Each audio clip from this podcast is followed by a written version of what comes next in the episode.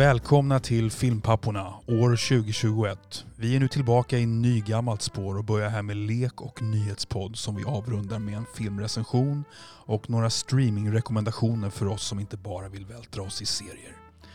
Filmpapporna är som alltid möjliggjord av redovisningsbyrån Ekonomihjälpen som ni kan läsa mer om på ekonomihjälpen.se.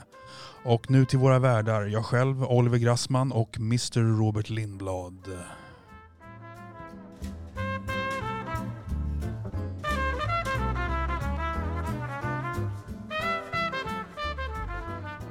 Guess who's back? Welcome. Vi Nu är är, vi här. vi är åter. Ja. Jag eh, som talar, jag är Robert Lindblad Och jag heter Oliver Grassman och är våran deppfilmsdiplomat. och du är fantasydrömmaren. Antagligen. Tydligen. Ja.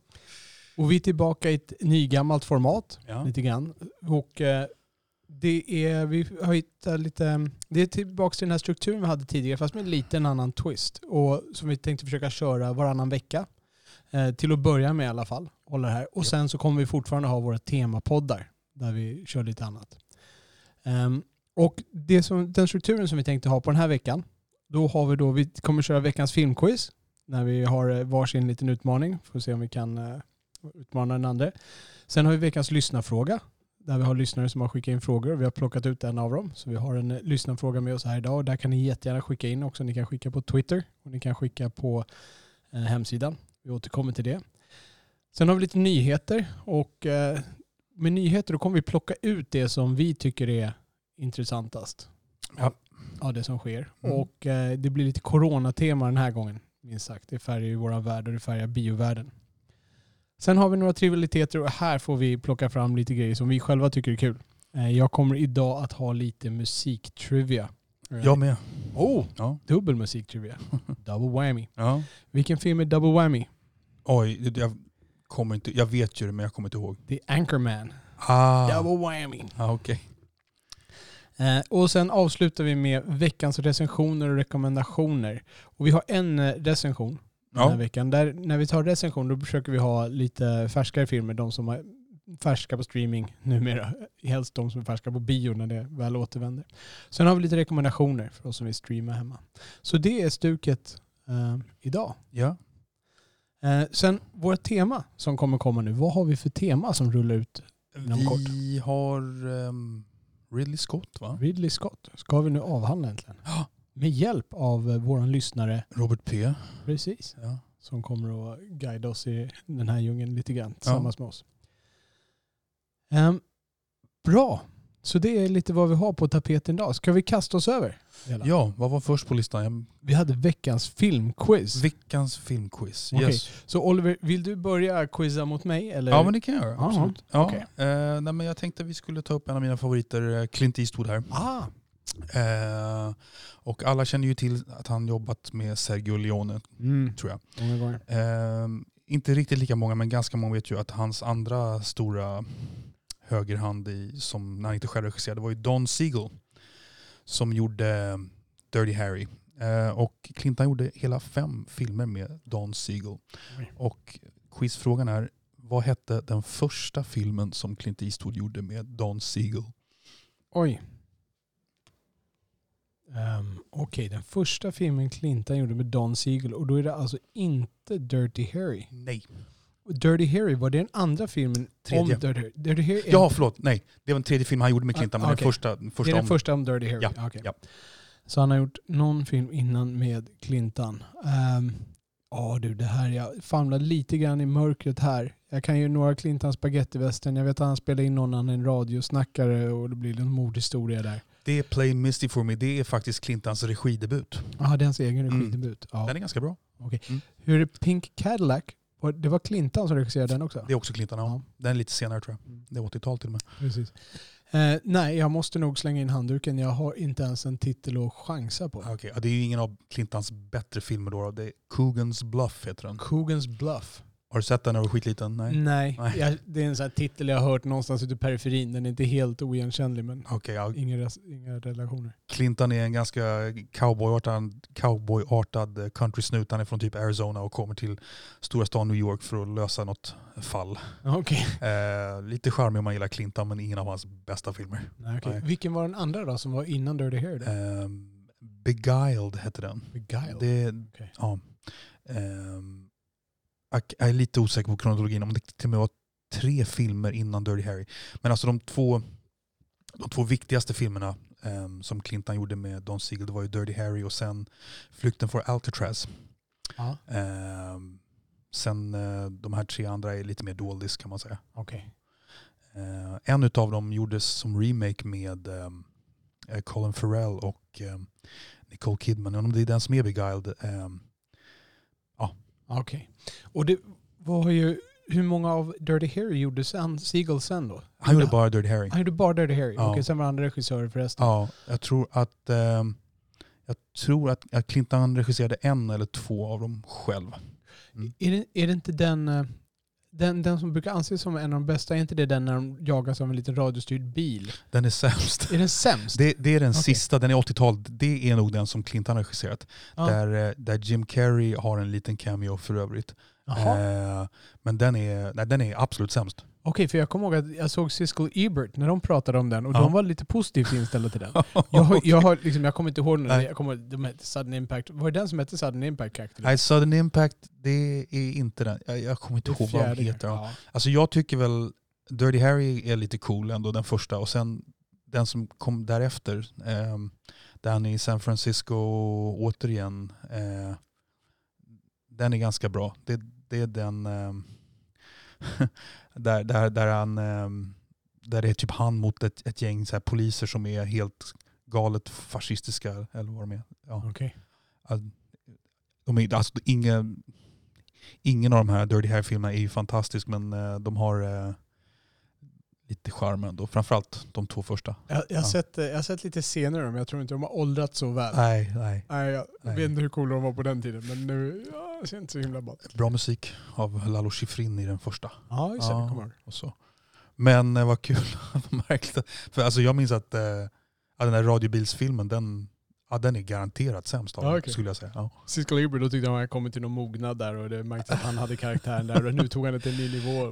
Men det är ju, det är ju det, det är lite kul med Clinton, det är att han har faktiskt, fast han är så störst, störst, st- vackrast och bäst, så har han liksom mitt i allt den där röda tråden så har han ju ändå så här embraceat att hans persona blir äldre och får lite krämpor och sådär. Jag vet inte om det kanske var det de tyckte var lite trevligt. Ja. något. Ja. Kanske. Ja, du, för jag tror att det, det var nog lite liknande det som han, eh, som han pratade om där. Att, eh, liksom, det, var, det känns, kändes som en mer mogen karaktär. Liksom, Ja. Lite mer grundad i realism. Mm. Om man nu kan säga det. Men nu ska du quizza mig. Ja, nu ska Ja. jag quizza dig. Och eh, du, du valde ju en, eh, en, skådis som du gillar. Mm. Och tog en quiz på. Så jag har valt en regissör som du gillar Okej. och tar en quiz på. Ja. Eh, Och jag tänkte göra en trestegsquiz med lätt, mellan, svår. Som jag, jag tror, jag, men jag tror att du, de två första tror jag du kommer att greja. Okej. Definitivt. Och det vi ska tala om är Martin Scorsese. Martin Scorsese. Vad kul. Som var Ja. vårt första tema Ja. en gång i tiden Ja. när vi började med det här. Yes. Så den första, första nivån, lätta frågan. Vad heter hans första långfilm? Eh, visst är det Boxcar Bertha? Nej, Nej. nej, nej, nej, vänta. Ehm, det är en film med Harvey Keitel, eller hur? Jag, jag har titeln. Jag har Ja. Eh, har är, det, är det Who's That Knocking On My Door? helt rätt. Ja. Who's that knocking on my Ja, door? jag ens- Mycket bra Louis. Jag har inte ens sett den faktiskt. Nej, det, det är starkt. Okej, så det, det var en lätta där du klarar den. Då får vi se här. Han gjorde en dokumentär om eh, eh, farvälframträdandet av The Band. Vad heter den dokumentären? The Last Waltz. The Last Waltz, helt rätt. Och då, på eh, den eh, tredje nivån här. Eh, han har också, nu lämnar vi lite filmvärlden, håll kvar ska Mm. se. Han har regisserat pilotavsnittet i två tv-serier. Pilotavsnitt i två tv-serier har han regisserat. Okej. Kan du nämna någon av dem? Oj, shit. Eh, här känns det som att här blir det Scorsese-fans på högsta nivå. Alltså. Eh, jag kan ju bara gissa någonting. Eh, CSI? Nej, CSI var inte med. Jag gör så här, jag nämner sex stycken serier Okej. och så får, får du se om du kan eh, plocka ut vilka två de är. Jag säger Breaking Bad, Boardwalk Empire, Oz, Penny Dreadful, Vinyl och The Sopranos. Eh, Boardwalk, Empire och Vinyl. Helt rätt! Ja. Shit. Nej, men alltså, jag, vet inte, ja, men det var så här, alltså jag visste Ja. det där med Boardwalk Empire, det kommer jag ihåg. Men jag, jag, mitt, min hjärna gick bakåt så långt i tiden på något sätt. Ja. faktiskt. Ja. Vad är Vinyl för någonting? Känner du till det? Ja, men det, är väl, det handlar väl om um, um, the, the music business eh, i, i skarven 60-70-tal tror jag. Okej. Ehm, jag har faktiskt inte sett uh, varken den eller Boardwalk Empire. Nej. Ehm, Men vad lite kul, shit det här var inte riktigt rättvist. Vi liksom, först pratade vi om min favorit Clinton och sen om Scorsese. Jag ska ta något lite mer up your alley kanske. Ja, Ja, Du men, får- ja. vi, vi får vända på det nästa gång. Ja. Ja, nej, men eh, intressant och bra jobbat Ja, som tack. vanligt. Ja. Eh, Men, men bara, får jag bara... Ehm, du vet vem som gjorde två mästerliga avsnitt av CSI va? nej, jag vet inte. Tarantino. Tarantino? Okej. Jag minns att jag satt och tittade på tv och jag har aldrig tittat på CSI. Ja. Eh, Men jag bara satte på någon gång. Det var så här en kväll med dubbelavsnitt. Jag tror det var någon säsongsavslutning. Och det var så sjukt bra. Det var något... Jag tror han, det var lite, han återanvände lite det här konceptet från eh, Kill Bill. Jag vet inte om det rent av var innan Kill Bill. Där en, en polis blir nedgrävd i, i någon slags grav med maskar som börjar äta på honom och grejer. Och skitläskigt och bra. Men shit, Ja. känns inte så CSI. Nej, Nej. men han var, jag vill minnas att han är en ganska stor fan av CSI. Ja. Okej, när jag säger det så måste jag säga jag har aldrig sett ett enda avsnitt av CSI. Okej. eh, Någonsin. Och jag, vad jag har förstått så finns det väldigt många olika varianter. Ja, det finns CSI skit. Miami, San Francisco, Verkligen. Ghetto, Ja. Rom. Till och med Ted Danson har varit med Ted Danson. CSI. Då grävde de verkligen upp någon. Ja, ja verkligen. Look at this guy we found. Worms and everything. Ja. All right. Så, det var våra frågor. Vi Ja. har också en lyssnarfråga. Vilken lyssnare är det som har... Jo men Birgitta har hört av sig. Vår lyssnare Birgitta har hört oss. Ja, Perfekt. och hon ställer den rättframma frågan hur lång ska en film vara? Oj, hur lång ska en film vara? Vad säger du Oliver? Ja, Jag tycker ju att en film ska vara ganska kort these Okej. days. Ja. Är det en 30, en 45? En 30 tycker jag är bra. Ja. Eh, jag hör nog till dem, om vi streamar, eh, då det ska vara max 1.40 men gärna 1.30 alltså. Ja. Eh, för att man ska titta koncentrerat. Har du sett många bra filmer kring 1.30-strecket? Men på sistone har jag sett två bra som jag faktiskt har tagit mig samman och streamat. Jag såg eh, Sully av Clinton. Ja, Du vet vilken det är eller? Ja. jag vet vilken det är. Där Tom Hanks spelar Ja. Ja, Piloten. he- helt okej. Ingen fantastisk film men, Men det var Clinton som hade regisserat? ja, det är Clinton. ingen aning. Nej. Okej. Han gör ju en film om året fast han är 80 000 år gammal. Ja. Ja, det är Eh, cool. och, Respekt. ja, och sen ehm, såg jag en skitbra dansk eh, dramatriller som hette Den skyldige. Aha, Eh, som var 1,25 bara. okej. Ehm, jag har nog eh, med åren tröttnat på de här långa grejerna. Men hinner man bygga upp karaktär och känsla för karaktär och sånt där på, på den tiden? Eller om man säger kan kan man givetvis, men är det inte mer utmaning då? Ja, det, vet om man är begåvad så tror jag det går. Alltså. Men är det så att filmer generellt sett blir längre och längre nu? Alltså, det känns som att standarden när vi gick på bio, Ja. back in the days, då var det en, en, en och en halv timme liksom. Men nu känns det som att standarden är två timmar. ja. Eh, närmare där liksom. Och en förklaring ligger väl i att filmmaterialet är billigare tänker jag. Ja, jag vet inte. Jag tror det. Ja. jag, jag har svårt att tänka mig. Alltså, det, Alltså, jag, jag, vet inte, jag förstår, jag liksom, varför skulle det bli längre nu än tidigare egentligen annars? bara, bara liksom kulturen. Ja. Hur det är liksom. Ja. Att det, nu vill, det är mer efterfrågan på det här. Jag Mm. menar nu går det ner på serier och nu ska det här kopplas ihop med det här. Det är, det är Ja. trender och tendenser liksom. Men det är ju lite märkligt för att jag är mer in, in favor of film framför serier. Men jag, jag är ju ganska okej med att sitta och bingea en serie samtidigt. Men, Ja. äh, men det är någonting med att det blir avslutat. En serie, då är avsnittet 50 minuter och sen kan jag liksom Ja. se två till eller bara lägga av. Men en film den ska vara lite kortare i totalen. Liksom. Jag, jag står nog lite på andra foten. Det är inte så att jag vill att de ska vara långa. Nej. Men jag, jag tror jag har svårt att hitta bra filmer som är under två timmars sträcket eller Så pass? Ja. Alltså, när jag sitter och tittar på min topp 10 och jag sitter och och tänker liksom på bra filmer, jag kommer inte ihåg någon som är där. Liksom. Alltså, om jag ska börja göra så här, mina all time favorites, då är vi Ja. nog uppe på ganska långa filmer för Ja. mig också. Men om jag liksom tar mig an något nytt nu, Ja, så ja, absolut om vi ska liksom lyfta mina favoriter så blir det nog också lite längre Ja. grejer. Så jag har svårt att se att man kan berätta en sån här, jag vill ha en fyllig historia. Ja. Och jag har svårt att se att man kan berätta den på en sådan tid på ett bra sätt som inte blir för komprimerat. Men då, då kan jag faktiskt rekommendera den danska filmen Den skyldige. Ja. För den känns som att den, eh, som jag minns det, den är nästan i realtid tror jag. Mm. Ja. Ehm, Och jag tror att det här kanske finns en skillnad mellan oss två. För att jag är ute, jag vill, bli liksom, jag vill komma till en annan värld, jag vill se en annan grej, jag vill tänka på ett annat sätt, Mm. uppleva en annan miljö. Så här, vare sig det är Sagan om ringen eller om det är Dune eller om det är Star Wars. Liksom. mm. Och få, få vara i den här världen ett tag. Men eh, det låter, om jag bara, känns som att du, du vill ha en handling, du vill ha en story, du vill ha en liksom, det här händer och sådär. Ja, jag vill, nog gärna, jag vill nog gärna att det ska vara lite förankrat i någon slags verklighet. Och Ja. så. Ja. Precis, men också att det är, liksom, det är lite mera, du tittar på det för historien, för att se liksom hur den här historien upplöser sig, medan jag kanske mer vill se världen. ja, det kan nog ligga något i det. Ja. Absolut. Ehm, mm. All right. Så rätt så, du, du föredrar kortare, jag, jag säger nog runt två timmar där. Mm. Och eh, ska det vara mer, ska det, är det på två och en halv, då säger jag att då måste de berättiga det. Mm. Två timmar, där, där kan de flesta Ja. filmer landa liksom. Men det är två och en halv, då måste det vara berättigat. Och det är vissa filmer gör det. Ja. Men återigen så slår jag ett slag förbi och ge, sätt mig i en biograf, då kan jag titta i tre timmar. Ja, det är så. Lite så faktiskt. Ja. Ja. Ja, det blir, det blir lättare. Det kan jag. Ja, men bra. Mm. Tack Birgitta för, Ja. veckans lyssnarfråga. Då går vi över på lite nyheter. Och eh, jag har ju kikat lite grann där. Eh, eh, jag satt och läste lite grann nu i julas här hur det går för de filmer som faktiskt har gått upp på bio. Och det är inte så mycket. Tenet pratade vi om innan. Eh, och den, det är ju lite frågetecken hur bra den skulle ha gått annars. Men den har inte gått riktigt lika bra som man väntar sig. Nolan-filmer brukar ju dock inte... Det är inga sådana här Avatar, Star Wars, Marvel-bomber. Nolans filmer. De är framgångsrika, helt klart. Liksom. Mm. Någonstans mellan en halv...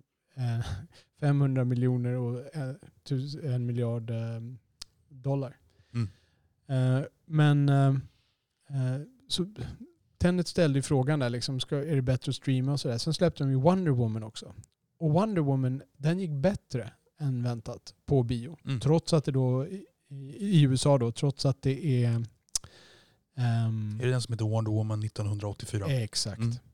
Den har inte fått så bra recensioner. Den var mycket sämre än den, den förra har jag hört. Det är precis vad de flesta säger. eh, som har varit där. Varit och sett den. Eh, den har spelat in, eh, den hade spelat in ska jag säga, någonstans där kring jul kommer jag ihåg att jag läste att den hade spelat in en 298 miljoner kronor i biljettintäkter. Så, och det är över julhelgen då bara. Det är 30 miljoner dollar. Jätterunda slängar. Och det är tydligen bättre än förväntat. Det är ju inte vad de siffrorna de skulle ha förväntat sig annars. Men Nähä. under rådande omständigheter. Men det är ju inte, alltså, hade, mot, alltså ifrån till budget då? Ja, det här är över julhelgen bara. Okej, det är bara under den perioden. Right. Så det är inte totalt. Men eh, så det gav dem väl lite hopp om, eh, om filmer där. Men det här det känns som att det här är en pendel som svänger. Ja. Hela tiden liksom att eh, liksom ska du streama där. Och då kom ju den här andra nyheten från Warner Brothers att de kommer att, eh, eller de överväger, Mm. de har väl inte spikat det, de överväger att när de släpper sina filmer släppa dem både på streaming och på bio samtidigt. Just det. Så att samma kväll som den går upp på premiär kan du sätta dig hemma i soffan och streama den då på vilken tjänst det nu är som den ska streamas på. Och det här har ju väckt lite, eh, lite upprörda känslor hos regissörer. Mhm. Eh, Christopher Nolan, som inte har någon film som är aktuell nu, men han är Warner Brothers eh, bundis. Liksom. Mm. Eh, han har gått ut och varit starkt kritisk till det här.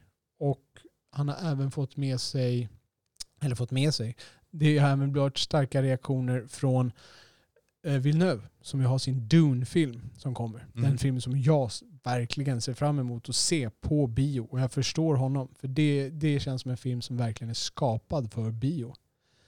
Ehm, och det här har ju liksom gjort att det, eh, ja, det har blivit en väldigt stor frågeställning och det finns farhågor eh, för hur det, ska, alltså hur det ska bli för bion i framtiden. Vad det här kommer att betyda.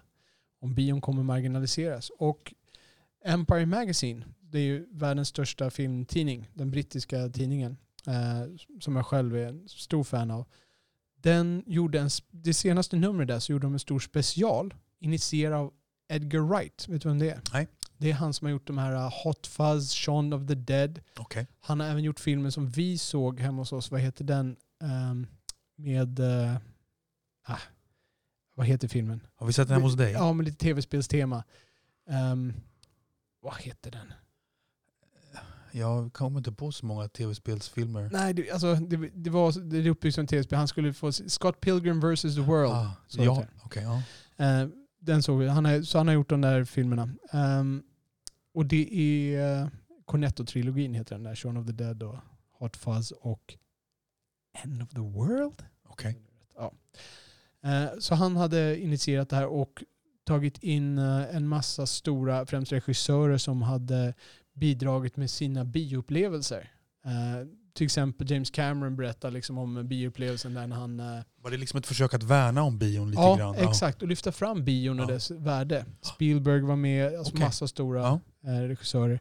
Sen eh, Tarantino hann inte vara med, men då gjorde de en jättelång intervju. En tre timmars podd sitter de och pratar film. Edgar Wright, en av eh, redaktörerna där på Empire Ja. och Tarantino Ja, själv. det, är ju, det är nästan roligare att höra Tarantino prata om filmen och se hans filmer Ja. these days. Det är så jädra kul tycker Jag, jag. har lyssnat på två tredjedelar av den där och Ja. det, de, det är väldigt mycket brittisk gammal filmonani i det där. Det är som, Alltså- att, som jag- inte jag hänger med på. Det är typ en film jag kände igen av alla de de radade Ah, upp. okej. Men bli- var det medvetet som de snöade in på eng- brittiskt eller? Ja, nej? det, det, var, det var lite tema Ja. eh, som de hade där, liksom att prata om brittisk eh, film då. Okej. Men de pratar mycket om sina bioupplevelser i början det är jätteintressant att höra på. Ja. Ehm, Tarantino lyfte fram första gången han var och såg Aliens.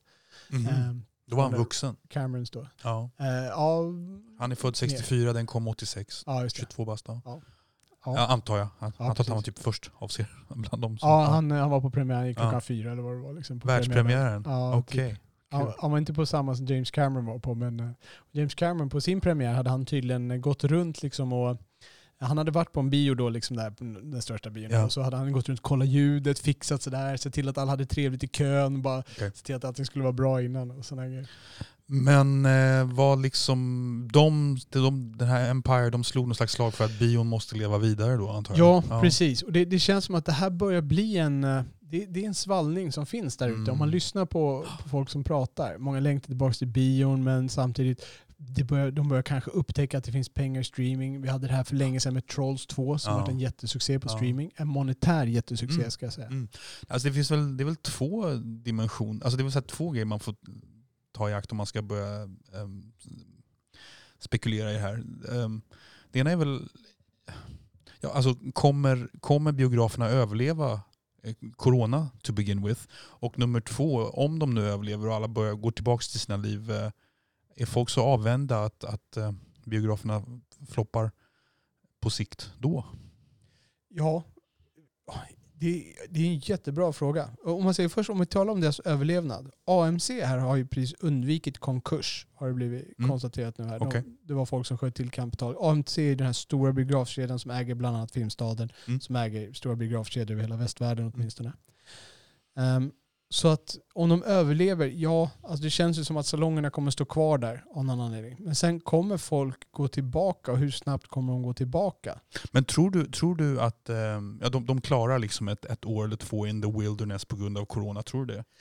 Om man säger så här, om jag tror att de klarar, de organisationer som finns nu vet jag inte. Men om man säger så här, om det finns en punkt, säg om två år, när bio blir precis lika populärt som det var innan pandemin. Ja. Då finns det en affärsmodell och då kanske det är ett annat företag Ja, som kommer sant. dit. Sådär. Okej, ja, Så att om de företagen överlever, det, det känns inte riktigt som att det är frågan, utan frågan är mera, kommer bion som koncept att överleva? Ja, det är sant. Och då, då överleva kommer den absolut att göra, för det kommer alltid vara entusiaster som går. Men kommer det då bli några få Sita? Liksom, kommer det gå det hållet? Mm. Sita är den här biografen här i Stockholm som är en liten um, entusiastbiograf med udda filmer. Mm. Där man går för att just se det bara, man betalar extra för att se det här stora formatet och kanske IMAX då Mm. finns bara de här liksom nischfickorna. Mm. Eller kommer man ha den här breda, det här breda utbudet? Kommer folk att vilja gå tillbaka och sitta i den här salongen och se? Och min känsla är ja. Mm. Alltså den upplevelsen är något speciellt. För vi har haft de här hembiosystemen, vi har haft dem ganska länge och DVD och Blu-ray och mm. VHS och sådär. Absolut inte samma sak med VHS, men det, det har funnits stora skärmar och projektorer och sånt där. Men man vill ändå gå till bion och titta på den här grejen. Absolut. Ja. De som har de här äh, projektorerna där, de går och ser filmen först på bio. Ja. Men sen är väl frågan då hur det blir med våra barn som är så bortskämda med att ha all tillgänglighet since day one. Undrar jag. Ja, För att jag, menar, för så här, jag tycker det är, alltså min, min son han tycker väl att det är kul att hänga med på bio de gånger vi har gjort det men det är liksom inte det är inte som att han, han kan ju lika gärna se det mesta på YouTube. Liksom. men är, är det inte något speciellt i den här äh, upplevelsen? Ja, i för, dig, för dig och mig är det, men det har liksom det, är- det är lite grann hur man formar. Jag undrar om det är liksom, om det, jag hoppas ju att du har rätt, men jag tror samtidigt att man, man är ju ganska formad av de här unga åren. Och om man liksom inte har så mycket rutiner att gå på bio så kanske inte är så viktigt. Men om man säger så här. Ja. Är det inte roligare att dansa på ett dansgolv på en fest? Ja, men för, En- dig, för dig och mig. Jo men alltså, jag menar, Ja. jag frågar om det inte är en generell. Jag, jag förstår att du Ja. och jag har en uppväxt och Ja. en nostalgi och vi är dessutom filmentusiaster. Men alltså, är det inte en mänsklig grej att det är roligare att dansa tillsammans med fler människor än vad det är att dansa själv eller bara med en person Jo. hemma? Generellt sett jo.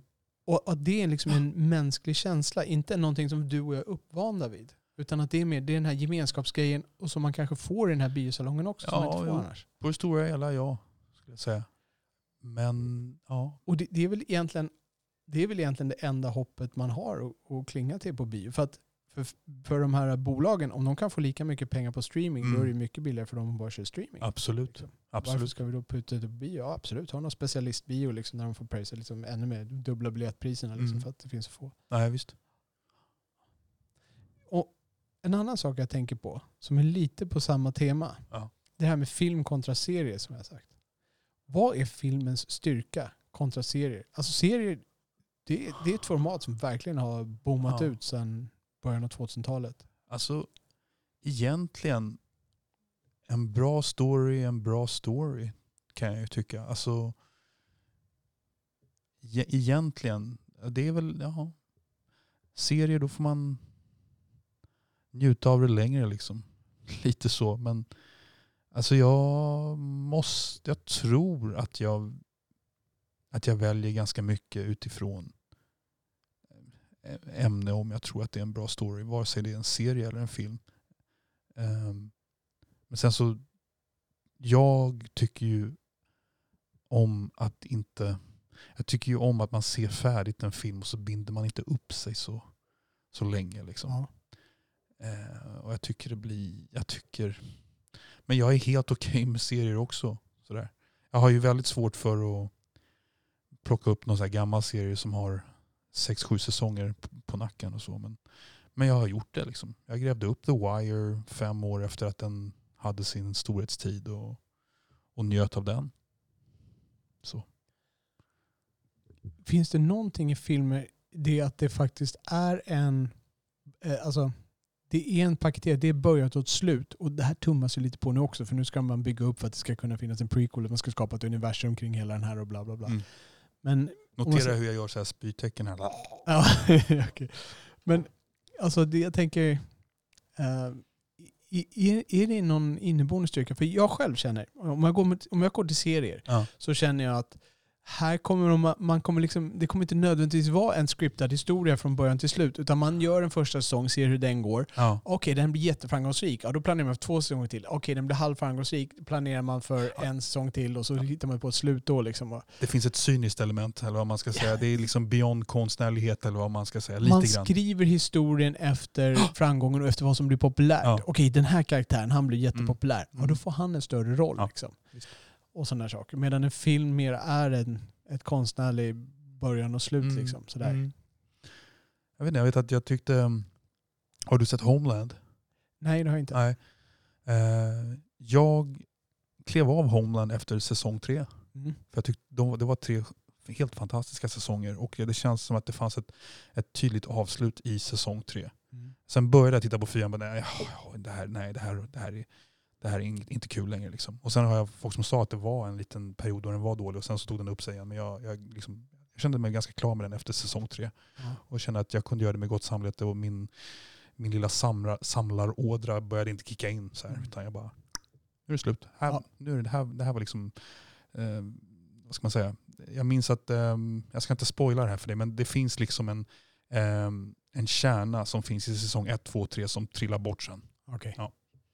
Så då, under de här tre säsongerna skulle jag säga att det liksom var... Det kändes som någorlunda konstnärliga beslut att Ja. man inte har satt och testade på någon testaudience. Liksom. Mm. Ja, men om du, samtidigt om du ser det så här till lite till mig, det är klart. Men är det är det här, är det, stö, är det som stör dig, är det att, eh, att man håller på att expande, expanderar och, och att man liksom lyssnar in marknaden och att det blir lite, så, lite för obvious och så? För jag tänker mig att så här, egentligen en miniserie på sex avsnitt eller en tre timmars film, vi snabbt, det kan ju vara ungefär samma längd. Liksom. Ja, absolut.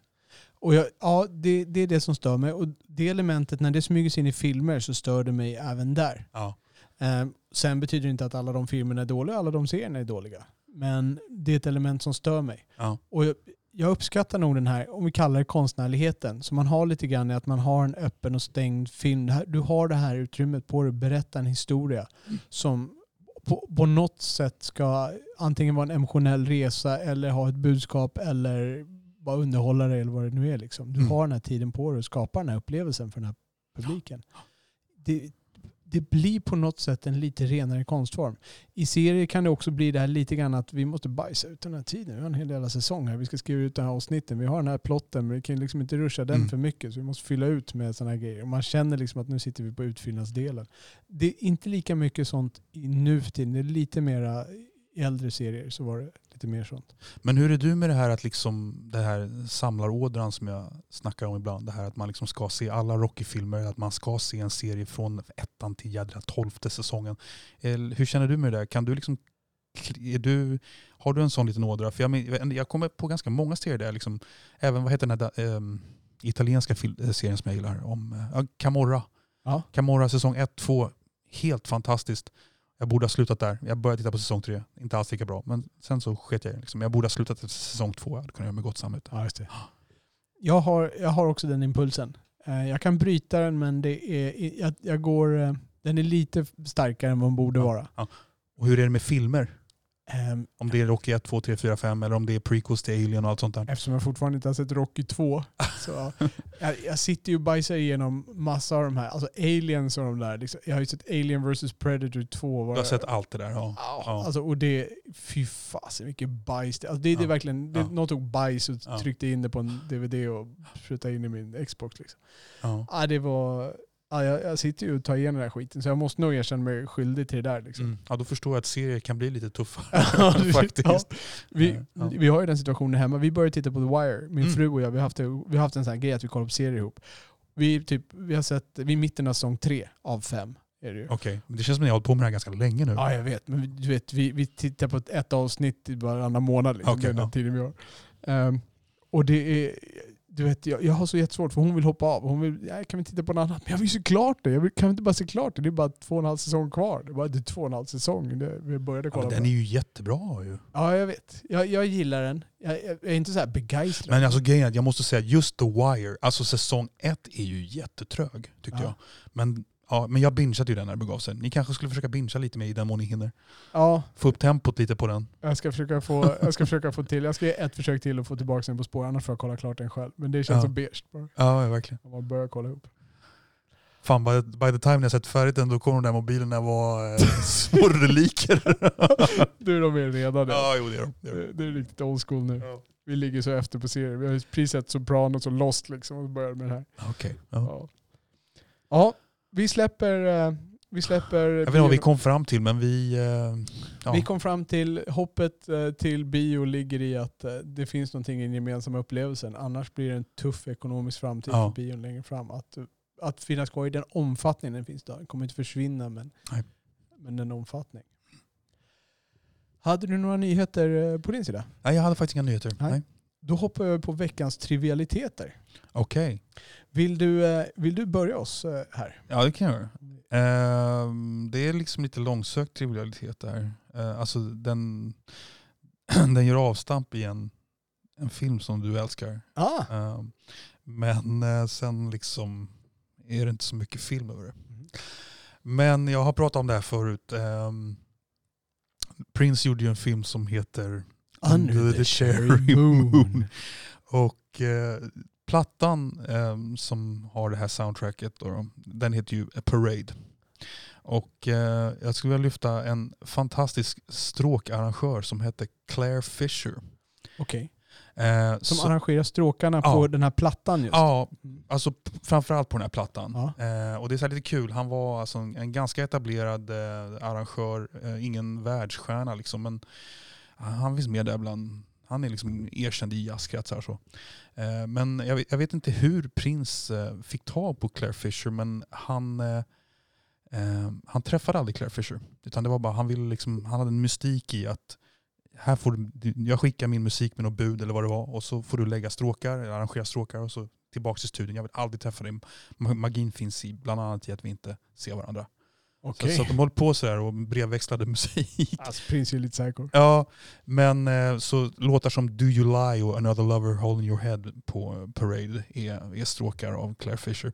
Sen på plattan därefter, Sign of the Times, finns en låt som heter Slow Love som han eh, stråksatte. Kan, kan vi lyssna på lite av de här? Eh, det kan vi Stråkar. göra. Ja. Ska vi se. Och, Sätt på Do You Lie då. är, är det från, är, är den med i från- filmen? Ja. Då ska jag säga Parade Prince.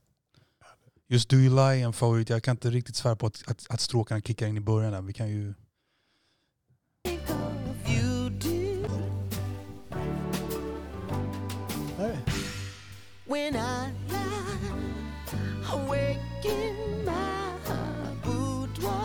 Det kommer. Stråkarna. Ganska kort låt på 2.44. You think of Det är lite orkestrat där i bakgrunden. Det är inte bara stråkar lite mer. Ja, exakt. Lite français. Mais oui, c'est bon. Vi är ju i Frankrike. I filmen Under the Cherry Moon. Svartvitt. Gigolo. För er som inte har lyssnat på vårt avsnitt av de mest underskattade filmerna så tycker jag att inte att den var så underskattad medan Oliver höll. Högt underskattad. Do you cry?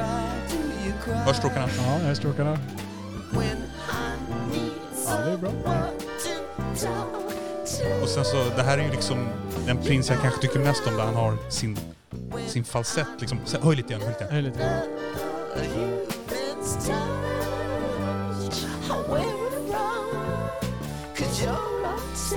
Det här, det här, det här är bästa prins tycker jag. Det som kommer nu.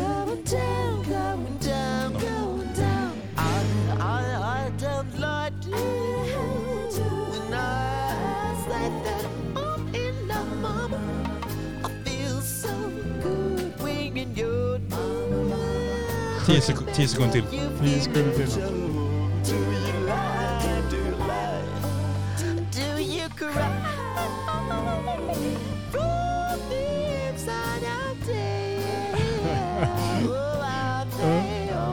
Artificial tears. Do you love me when you cry, when you cry, when you cry? När i filmen får man eh, när i filmen eh, förekommer den här eh, låten? Jag tror han spelar en passage på pianot bara Ah, i okej. filmen. Ja.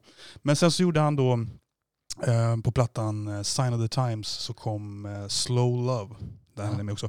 Och sen en liten kul grej det är att han, eh, han hade något så fragment av några stråkar som inte kom med på någon låt när de jobbade.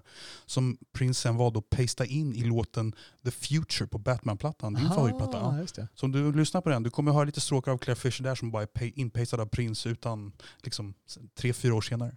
Ja, just det. Jag tror jag till och med vet vad du menar. Ja. För det, det, den är lite apart. Den känns lite hopklistrad. Inte lika hopklistrad som kanske Batdance, men, eh, men den känns lite hopklistrad ändå. på Ja, något sätt. ja. Ehm, men eh, det är om Claire Fisher. Jag, faktiskt, jag skrev ett litet fanmail till honom eh, 2005 eller någonting. Är det så? Fick Ja. du någon respons? Jag fick svar från typ hans, jag kommer inte ihåg om det var hans son eller hans fru, men de var såhär, ja vad roligt, han blev jätteglad typ. Okej! You made his day Ja, kid. men, men typ, you made his day, det var Ja. typ så. Ja. Ja, vad Så, kul. Ja. Ja, du, du har skrivit fanmail alltså. Ja, Det är typ det enda fanmail jag har skrivit faktiskt. 2005? Ja, men du vet, jag tänkte såhär, du, han, du är inte så ung då? Nej jag var väl typ 28, ja. Ja. Fan är att ta i, men jag tänkte fan, han är liksom inte jättekänd. Han kanske tycker Ja. det är lite kul att få ett mail. Det finns ju jäkla mailformulär här på hans hemsida. Ja, det. det är inte som att jag mailade Beyoncé liksom. Skicka mig några bilder på dig själv. Hey, it's me, Oliver again. You haven't Ja. replied. Ja. Didn't get my last letter. Ja. Inte- Och eh, alltså det här med Prince och, och att han inte ville vara i studion. Jag hörde Lionel Richie Mm. eh, berättade, eh, han ville ha med honom på We Are The World. Just det. Eh, och, och Prince han, ja, han kunde vara med men om han fick ett eget rum, ja, man kan stå i ett bås liksom bredvid. Så liksom, han skulle inte stå med, nej men, nej men det är inte så vi jobbar här. Alltså, vi, vi, vi ska stå allihopa där inne och sjunga tillsammans. Det är, ja men jag vill ha ett eget bås. Ja men okej, men du kan få stå bredvid Michael. Då var det bara klick. Ja. De lär ju inte ha gillat varandra. Nej, Nej. alltså jag har ju känslan av att Prince ogillade Michael mycket mer än vad Michael ogillade Prince. Ja, kanske. Jag vet inte. Ja. Oj, det är, jag, jag kom, Men vet du vad som finns? vad Det finns- finns något så här jätteflummigt 90-talsklipp där de typ gör någon slags We Are The World på scen. Ja. Och Prince är med då. Och, och Quincy Jones är med. Ja, han försöker få honom att sjunga Ja, och, och- Prince bara nobbar Ja men det är aslökigt. Quincy Jones sträcker fram en mick till Prince och Prince har typ sugit på en klubba och sticker klubban Ja, mot Quincy. Jones. Ja. Ja. Han, är, han är inte alltid supersmidig, Nej, Prince alltså. Det är men- lite, alltså, han blir lite så här barnslig. Men det är lite part of the charm. Det är, de ska vara lite världsfrånvända. tycker Ja, jag kommer ja. du skicka en intervju till mig där också från tidig Prince, 19 år gammal eller vad det vet. Han, är, Ja, där är... han, han kan knappt föra sig liksom, Ja, intervjun. nej, nej. Han, han, bara, han försöker Mm. peka och göra teckenspråk för att han ska slippa prata. eller? Ja, det, jag, skulle, jag skulle säga att den, den, nej, men han är en sån här weirdo gay. Tio år senare då är det liksom med intent och med någon slags kontroll. Men, Ja, men den, den intervjun, American Bandstand, där är han helt lost verkligen. Det, men det var, det var ju lite så med Michael också. Alltså, de ägde på scenen. Och liksom, de Ja. ägde på scenen. Och så, så fort de klev av och skulle börja prata om de var bara nej. Ja, visst. Två små barn. liksom. Mm. Ja. ja, men eh, än var- mer på musik. Nu går vi in på dig som musikpappa. Ja, ja, ja, ja. För så här är det eh, nämligen. Jag, eh, eh, jag har ju haft den här... Eh, jag har ju sett liksom... Eh, nu ska vi prata John Williams. Japp. Eh, min eh, favorit Mm. Filmmusikregissör. Och eh, han... Eh, jag har ju alltid sett det som att han hade sin fanfar-era med, Ja. med Star Wars liksom sådär. Och, och sen så hade han utvecklats mycket till Indiana Jones kom. Star Wars det är 1977 och Indiana Jones den första, Raiders of the Lost Ark, det är 1981. Och då hade det blivit, då hade han liksom fått, det, det är fortfarande fanfar absolut, men han, det, det är inte ja. samma pompösa där. Och, men sen, när min son Elia ville ha Superman, han ville lyssna på Superman-musik. Ja, Han det är också. John Williams eller? Ja, han, John Williams har gjort Superman, den här. Christopher Reeves Ja. Superman då. Eh, från 1978, 78. Ja. You the Master. Och, och vad Jaws är också där 77 någonting va? Eh, 75 redan? Ja, precis. Den är tidigare än Ja. det. Precis. Och ehm, det var... ehm, då såg jag övergången mellan de här. För Superman är verkligen ett mellanting mellan Star Wars och Indiana Jones. Det blev liksom som att den knöt ihop Mhm. de här bitarna. Så jag, jag tänkte bara visa lite grann här. äh, Visa lite. Jag tänkte spela lite grann. Minns jag signaturmelodin? Är den där? Da, da, da, da, da? Är det den? Dun, dun, dun. Mycket bra låt. Ja. Helt rätt. Det är den. Eh, så jag ska börja här med eh, givetvis Star Wars som vi alla känner till. Så. Det här är ju fanfar i allra högsta grad. Och det här är ju mycket av den här eh, musiken. Han har ju, han har ju lite mer smäktande teman i, även i den första filmen redan här. Men det här är ju mycket hans musikstil på den här tiden. Jag gör ett litet hopp här nu, kanske lite jobbigt att lyssna på, men jag hoppar fram lite längre fram bara för lite. Och man har eh, den här typen av musik. Bam, bam, bam, bam. Och det här, det här hittar man ju inte i Indiana Jones på samma sätt. Det här är, även om det är en fanfar på sätt och vis så är det på ett annat sätt. Så låt mig pausa den här. Låt Mm. oss hoppa över till Indiana Jones. Så kommer det här smäktande först här. Och det här smäktande inledningen här nu, det kommer snart bryta över i vanlig Indiana Jones. Det här är ett, det här är ett musiktema som man hittar mer i Empire Strikes Back. Den här påminner mycket om uh, Han Solos och Leias uh, kärlekstema. Det här är det där som vi hörde alldeles nyss, det var kärlekstemat mellan Marion och... eh, Mm. så att, och ehm, Empire Strikes Back, det är lite den här eran också. Vad är det, 84 på den? Nej, 84 är Jedi va? Empire Strikes Back 81 va? 81, ja. Och här är då här är Arkens tema. Och här har vi lyssnat på tidigare avsnitt där också. Och även om det här, det, det är absolut inte samma melodi givetvis. Men det är också, det finns en, det, det finns en annan sofistikation, sof, sofistikation. Den här är mer sofistikerad på något Mm. sätt. Instrumentalt. Det är en utveckling. Och jag har alltid sett det som att liksom han tog det här steget där liksom med Empire Raiders, då hade han liksom utvecklats. Mer melodiskt, Ja, exakt. man kunna säga. Och jag Ja. har alltid sett som de, att de är ganska aparta, att det var ganska abrupt där. Men, så i det här har jag då hittat eh, det som faktiskt var länken däremellan, som då är Superman. Om vi lyssnar på den här, eh, som har en väldigt lång inledning, så att jag hoppar i den här. Ska här. Så det här är det inledande temat till eh, Superman då, som Mm. måste ha varit den längsta inledningen på en film någonsin. Jag kommer jag för mig så här, klockan på nio minuter, men det här är från barndomen när man satt på VHS. Och, där. och den här är Mm. lite mellantinget, alltså mellan Star Wars och Indiana Jones. Bron däremellan.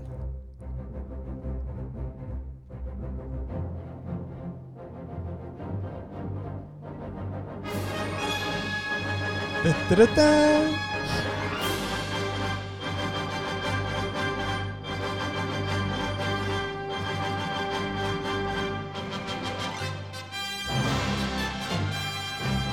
Är inte det här typ, om du tar Star Wars Mm. och Indiana Jones och blandar dem, är inte det här precis vad du får? Jo, Ba, ba, ba, Och så Ja.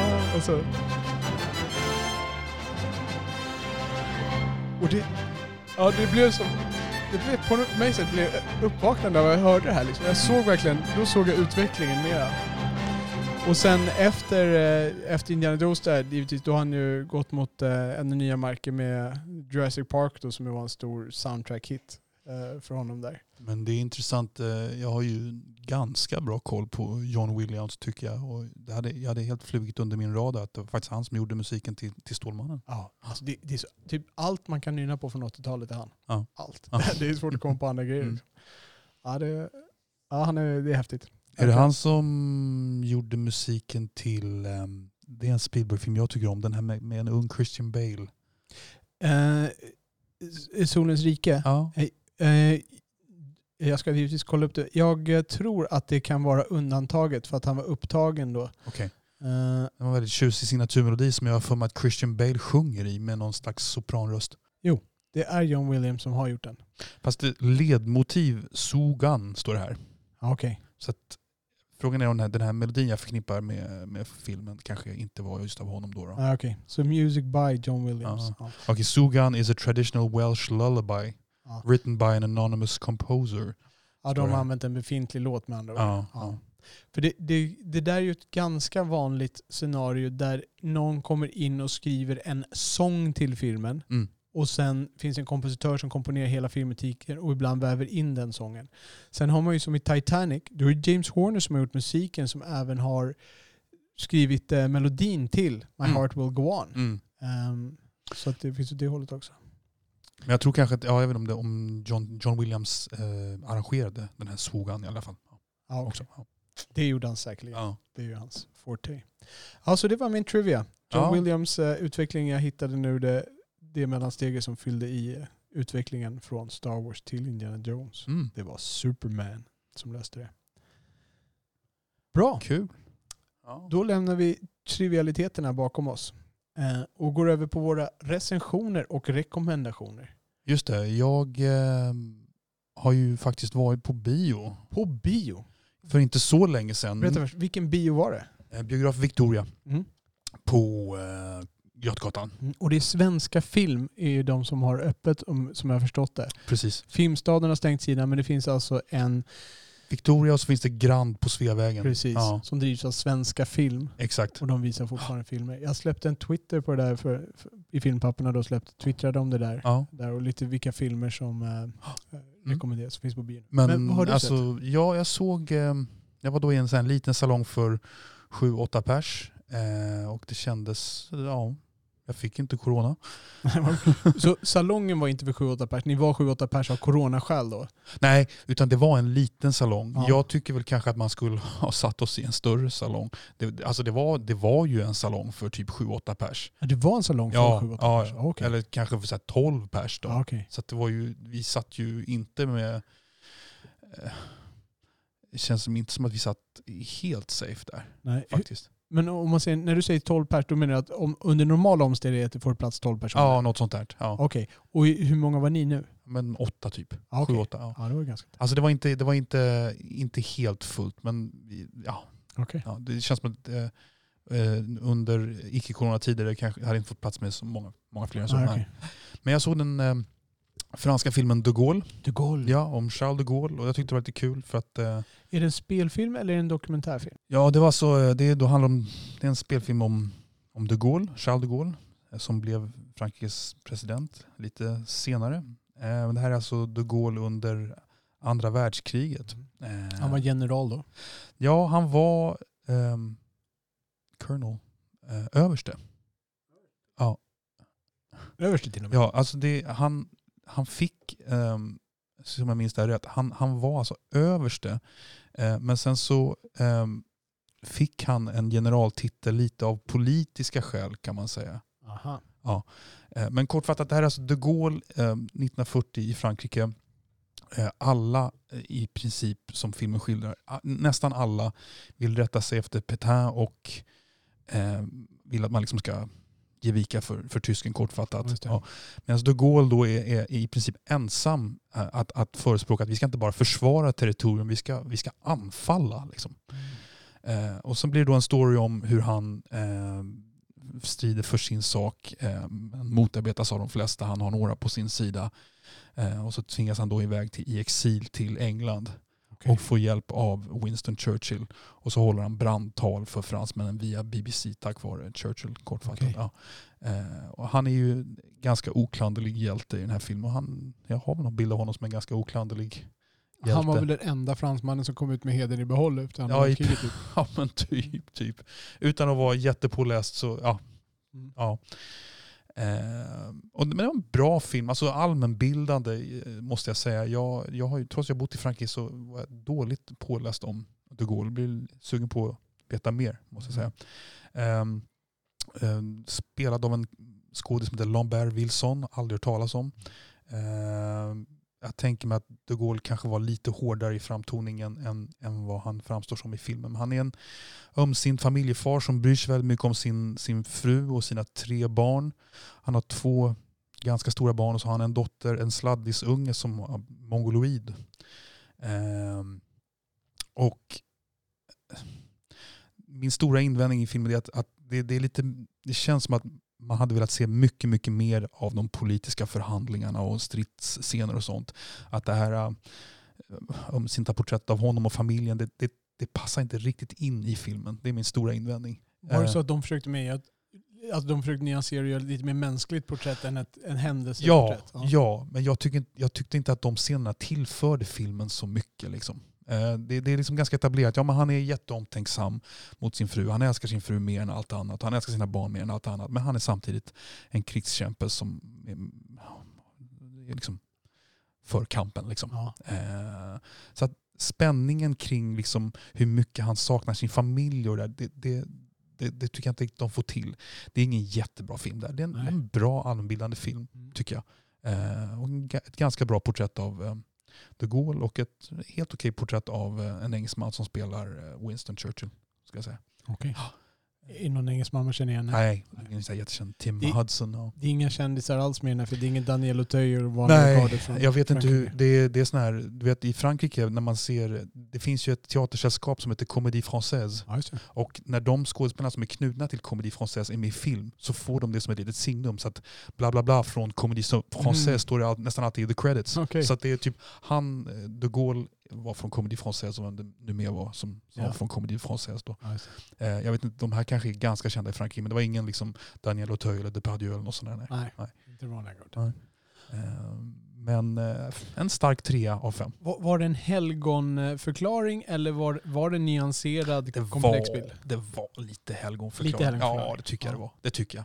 Okej. Ehm, Fransmännen älskar sin de Gaulle. Ja, lite så. Lite så. Jag vet inte, jag, jag har en väldigt fin bild av de Gaulle. Eh, men jag tänker mig jag tänker mig att du vet, de Gaulle, soldat på 1,96 lång. Det känns som en person Han som... var så kort? ja, han var Ah, så okej. kort. Du vet, en sån person använder nog sin kropp för att vara lite intimidating ibland. Ja, jag bara just det. tänker mig att det nästan är en naturlag. Men han, gjorde liksom, han var liksom väldigt mjuk i sitt sätt. Men sen så är han ju så här väldigt ofransk och är beredd att prata engelska när det behövs. Det var- Oj! Ja. Pass. ja, alltså, jag får inte köpa glass på engelska när jag åker till Frankrike. Nej, precis. precis. Så att, nej, han pratar, han approachar Churchill med lite engelska och sen, så, men sen kan ju Churchill bättre franska än han kan engelska så då går man över sen. Men som en Ja. liten sign of respect pratar han engelska i Ja. början. Ja. Det låter som att det här inte är en film vi ska rekommendera att man skaffar barnvakt och går och tittar på. Eh, den, den verkar okej men inte värd att... Alltså jag tyckte om den av någon anledning. Jag Mm. kunde se att det inte var någon fantastisk film men att den Mm. ändå var ändå tilltalade bra. Liksom. dig. Ja, Mm. ja. ja, jag hade barnledigt den kvällen. Nej, men jag tycker jag, Ja. jag, var, jag var nöjd. Ja, men kan jag liksom, den tilltalade mig utan att det var någon fantastisk film. Så. Mm. Sett, sett till uh, gemene man kanske man inte rekommenderar den då. Nej. Ja. Så, nej. Ja. Mm. Eh, vi har flörtat lite grann med att gå på bio, du och jag tillsammans. Mm. Vad var det för film vi skulle se då? Eh, jag snackade ju om Mank. Precis, vad handlar det om? Eh, det handlar om inspelningen av eh, Citizen Kane, eller snarare om manusskrivandet till filmen av den här Joseph Mankiewicz. Eh, Gary Oldman som spelar Joseph Mankiewicz som är alkoholiserad och allt vad det är. Den, den ligger ju också på Netflix samtidigt. Ja, just det. Ja, och jag tittade på den i en kvart men jag tänkte nej, jag ska ge den här en chans på bio tänkte Ja. jag. Ja.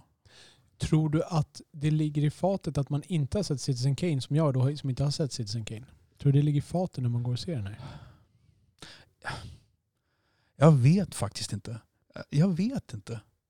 Jag tror bägge... Nej, nej det tror jag inte. Tror inte det? Det känns som att det kommer finnas referenser och sådär som man förstår Ja. annars och sådär. Ja, jo, men det kanske finns lite filmnördsdimensioner. ehm.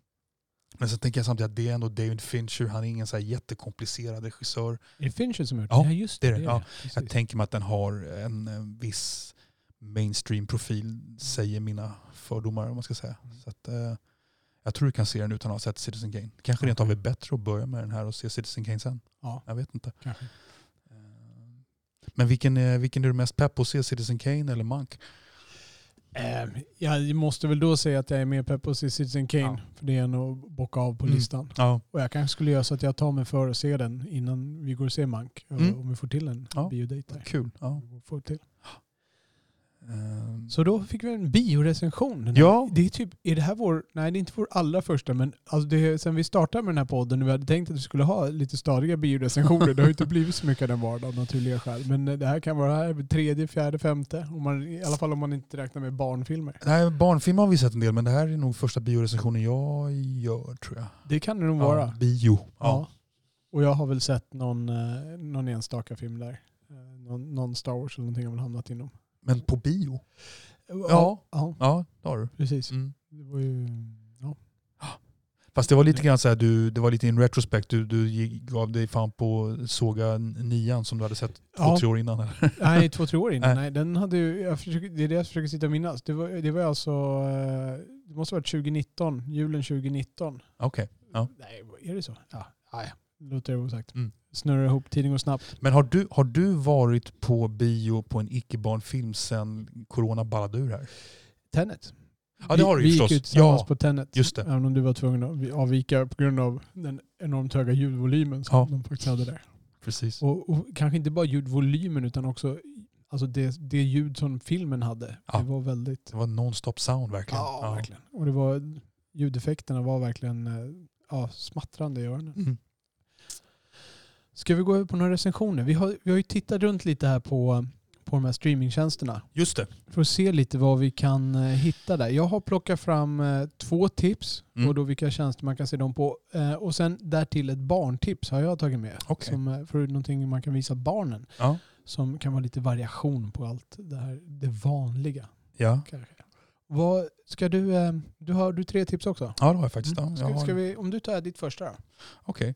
Ja, nej, men jag har riktat in mig på ehm, att se om grejer Mm. kan man säga. Så att jag, ehm, den här filmen vet jag är jättebra men jag har inte sett den på 20-25 år. Mm. Men på Viaplay ligger Mississippi brinner. Ja, just det. Mm.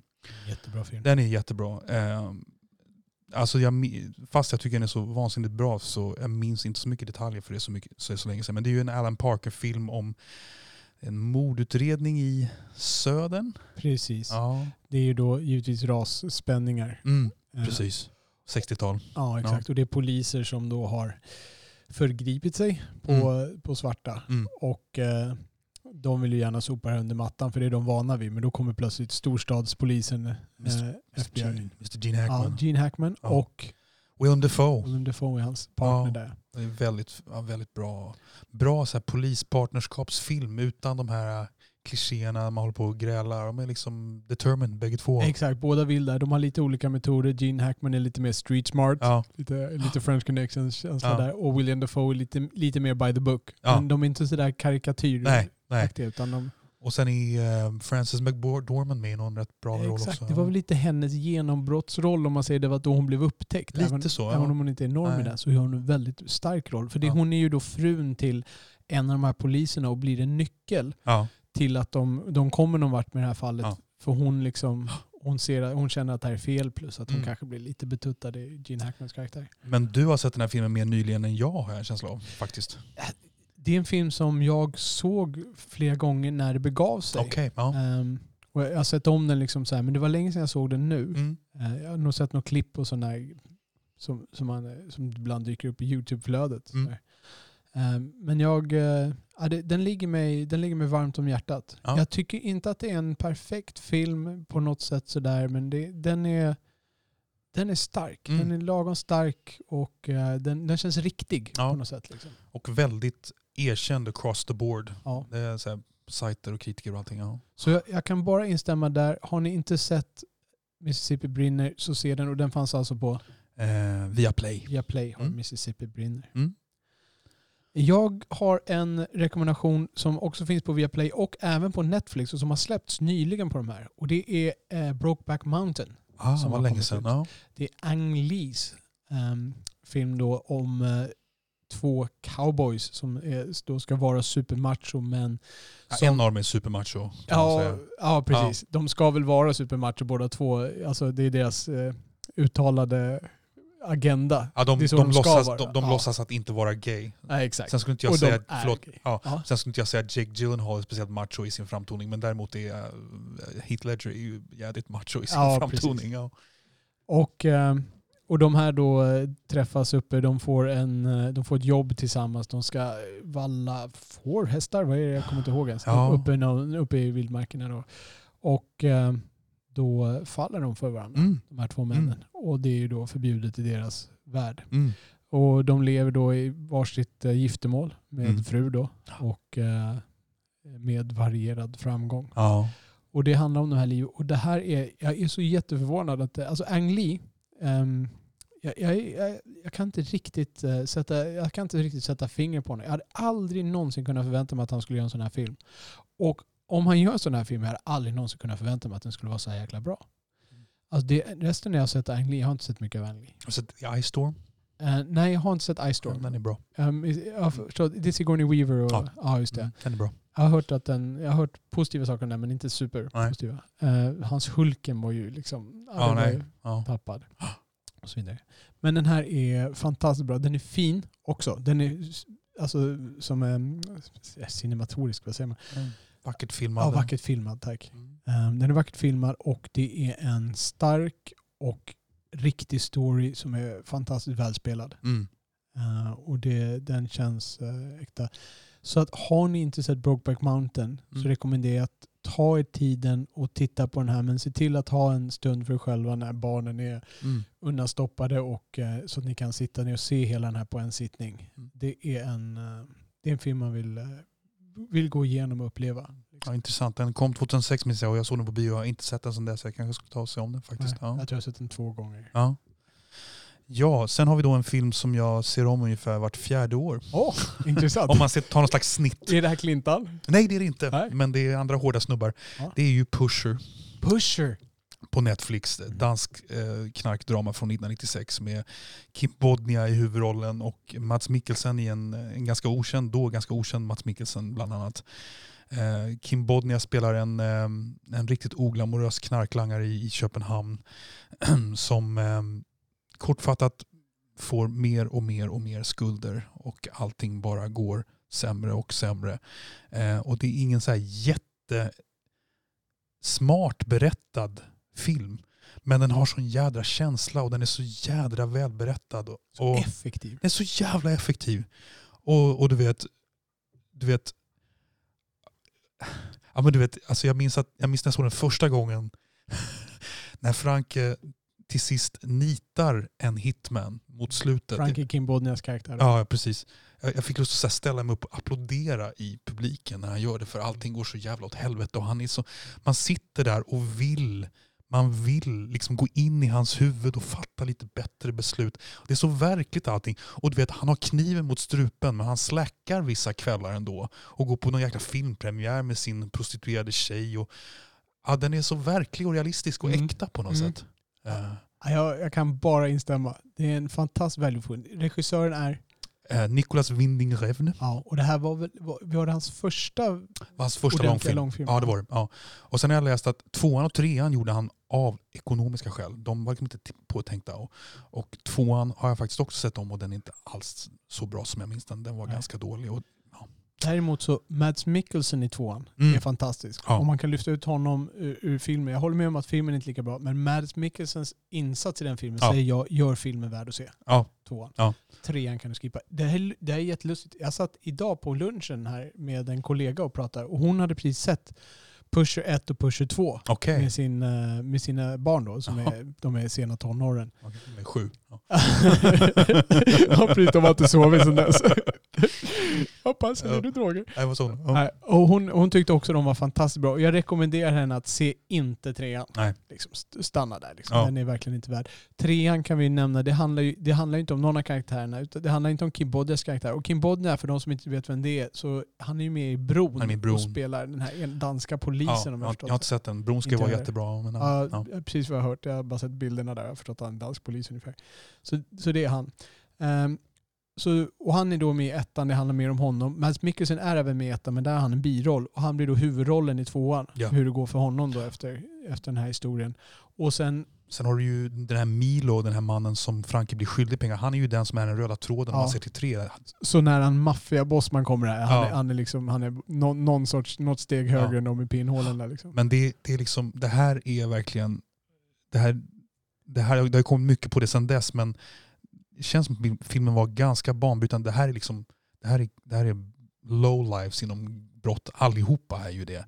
Eh, och det som är lite bra i tvåan tycker jag, storyn är dålig men det som är ännu bättre, kanske lite bättre i tvåan, det är mil, vissa miljöer han fångar i så här low lives. Du vet man är hemma hos någon så här knarklangare som är Ja, ihop med en strippa som har en så här riktigt ful ungkarlssoffa i läder. Det är sådana där detaljer som Ja. jag kan bli väldigt glad av att se att det är så här Ja. välgjort. Liksom.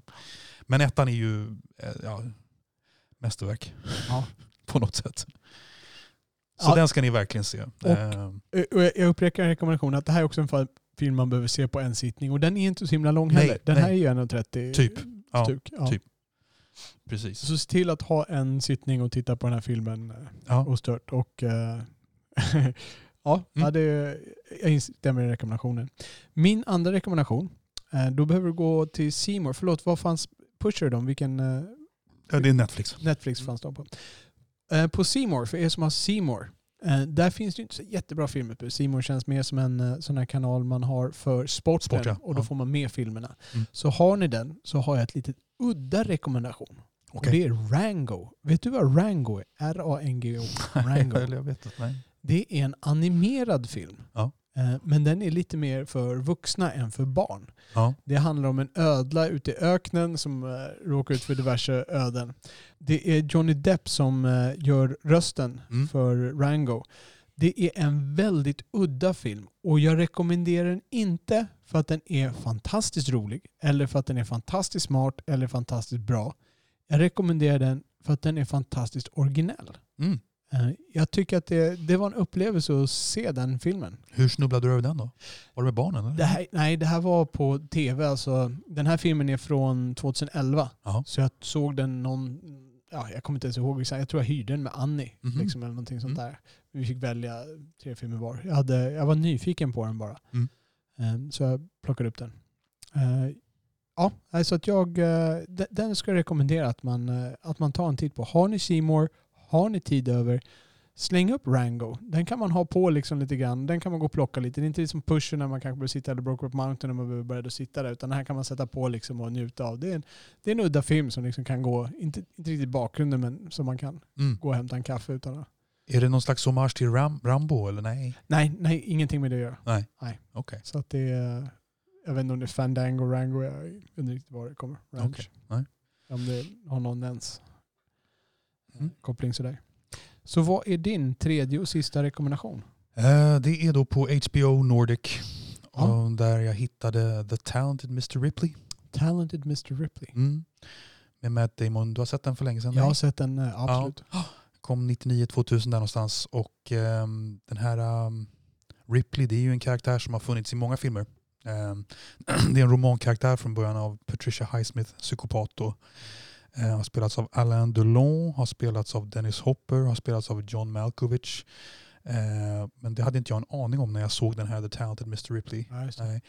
Eh, Men Matt Damon gör ju en, en betydligt mjukare Ripley som har som klantar till sitt liv och liksom vill ha ett liv i flärd och som blir tvungen att liksom göra psykopatiska grejer.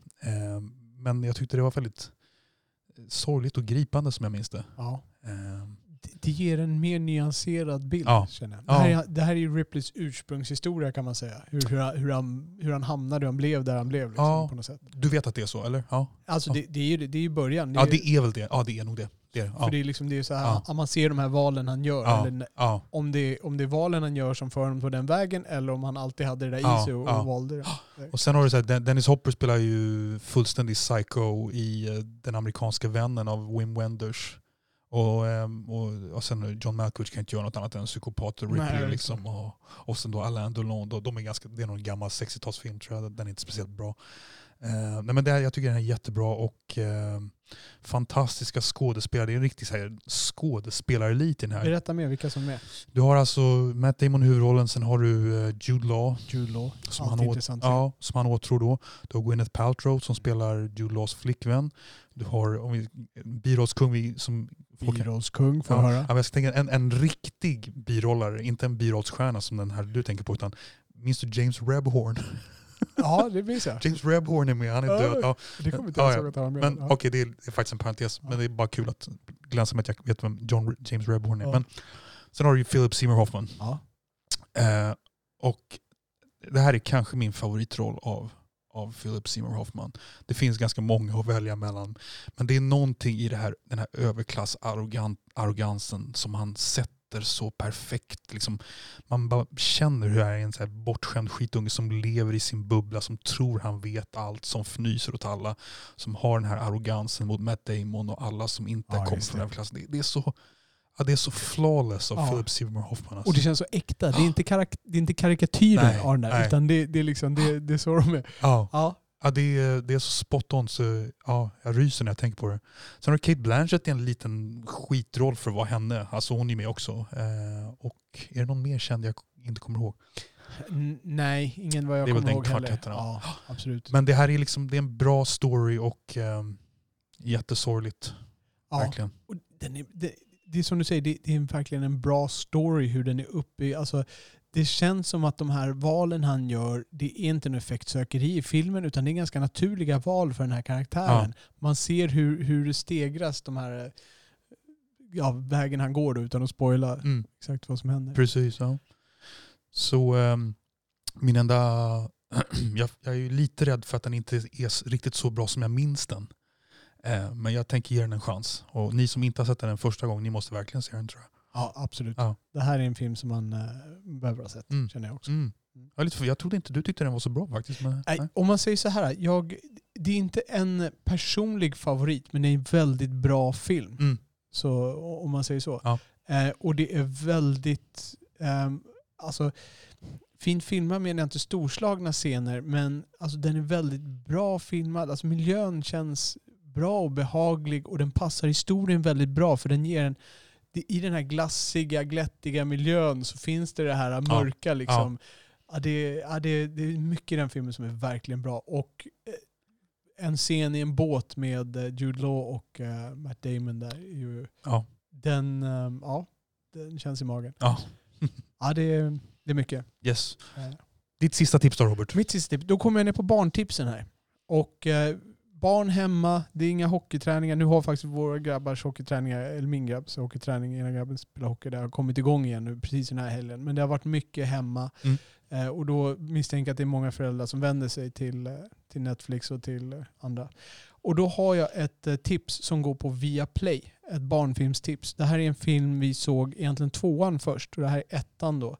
Och det är Småkryp, långfilmen, heter den på svenska. Det är en fransk film som heter Minuscule. Mhm. Men det gör ingenting att den är fransk för den är stum. Eller stum, alltså det, är, eh, det handlar bara om småkryp. Det är en hybrid, en hybrid-animerad film. Det vill säga att den är, det är en verklig miljö och så är det insatta animerade eh, karaktärer. Så det är insekter som är animerade då i, i Ah, okej. verklig miljö. Ja.